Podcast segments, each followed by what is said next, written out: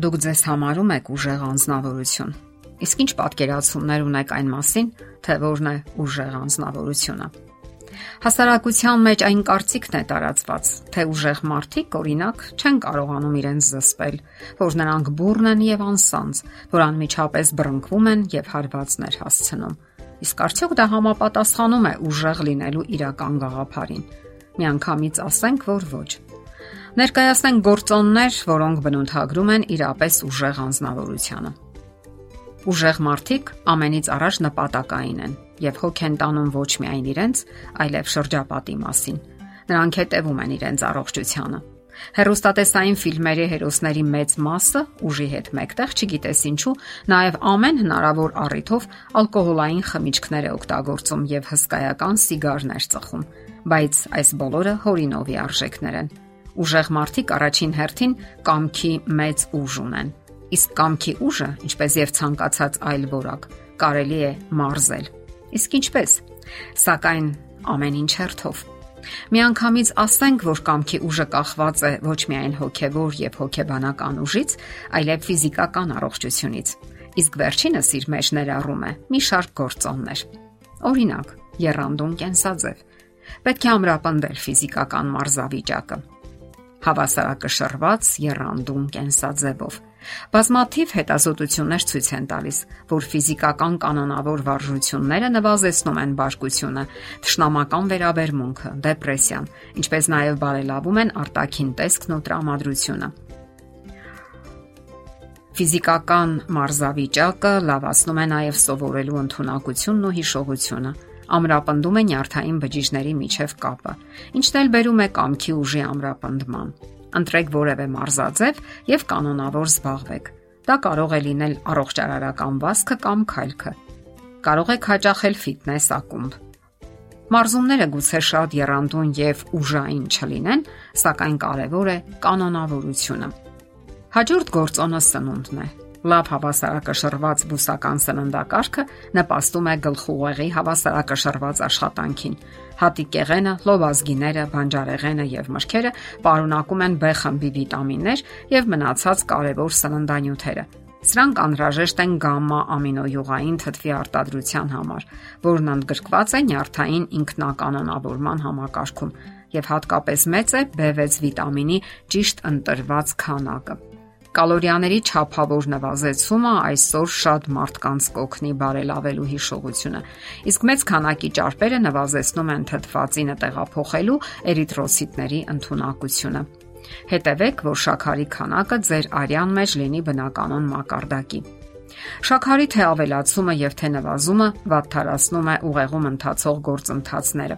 Օրվա մեջ պետք է երկու անգամ լիարժեք սնվել հատիկեղենով, բանջարեղենով ու մրգերով։ Դա կապահովի ձեր օրգանիզմին անհրաժեշտ բջջանյութը, որը արյան մեջ կանոնավորում է շաքարի մակարդակը։ Սննդակարգից պետք է բացառել քաղցր, սառը, գազավորված ըմպելիքները, կոֆեին պարունակող եւ ալկոհոլային հեղուկները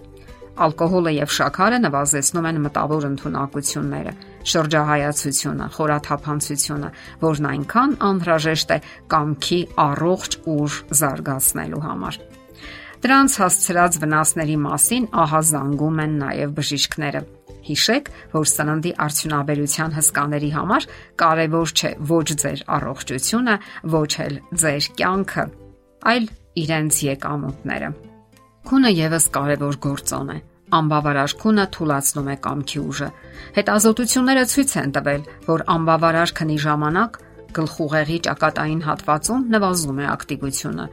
Որակյալ քունը ամրապնդում է կամքի ուժը։ Հարկավոր է քնել բավարար չափով եւ ձգտեք, որ այն լինի խոր, այլ ոչ մակերեսային։ Օրական 6-ից 8 ժամ քունը հիմնականում բավարար է, հաշվի առնելով նաև ամեն մեկի անհատական առանձնահատկությունը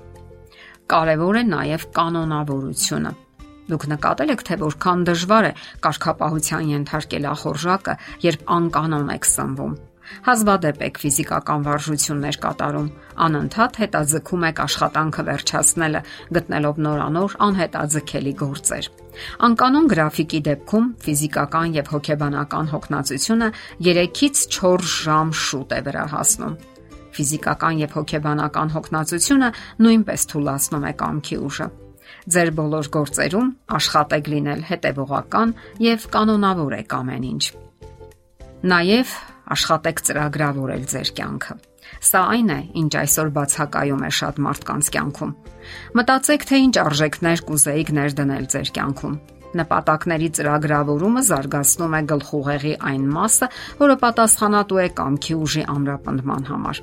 Դրեք ոչ մեծ, սակայն կոնկրետ նպատակներ, որոնք կհանգեցնեն մեծ նպատակների իրականացմանը։ Ստուգեք օրվա մեջ ձեր ձեռքբերումներն ու նվաճումները։ Ինչպիսի հաջողությունների եք հասել, որոնք են նպատակից շեղվելու պատճառները եւ ինչպիսին են դրանք հաղթահարելու կառուցողական ուղիները։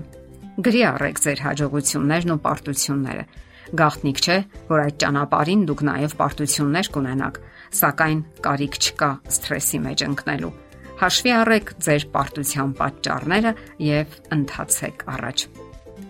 Ձեր կամքը կարող է անհավատալիորեն թույլ լինել, եթե դուք ճունեք արժանավոր նպատակներ, վարքագիծ եւ արարքներ, եւ այնուամենայնիվ բոլորն էլ կամք ունեն։ Հարկավոր է միայն մարզել Դե իսկ Աստվածային զորության դիմելը անպայման կուժեղացնի ձեզ։ Մարդկային թույլ եւ սահմանափակ կամքը միայն կշահի Աստծո հետ համագործակցությունից։ Աստվածաշնչում այսպիսի խոսքեր կան. ուժեղներն են հապշտակում Աստծո արքայությունը։ Դե ինչ, եղեք ուժեղ։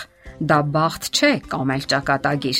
դուք եք կռում ձեր կյանքը ձեր իսկ գործերով, խոսքերով եւ վերջապես բնավորությամբ։ Եղեք ուժեղ անznավորություն։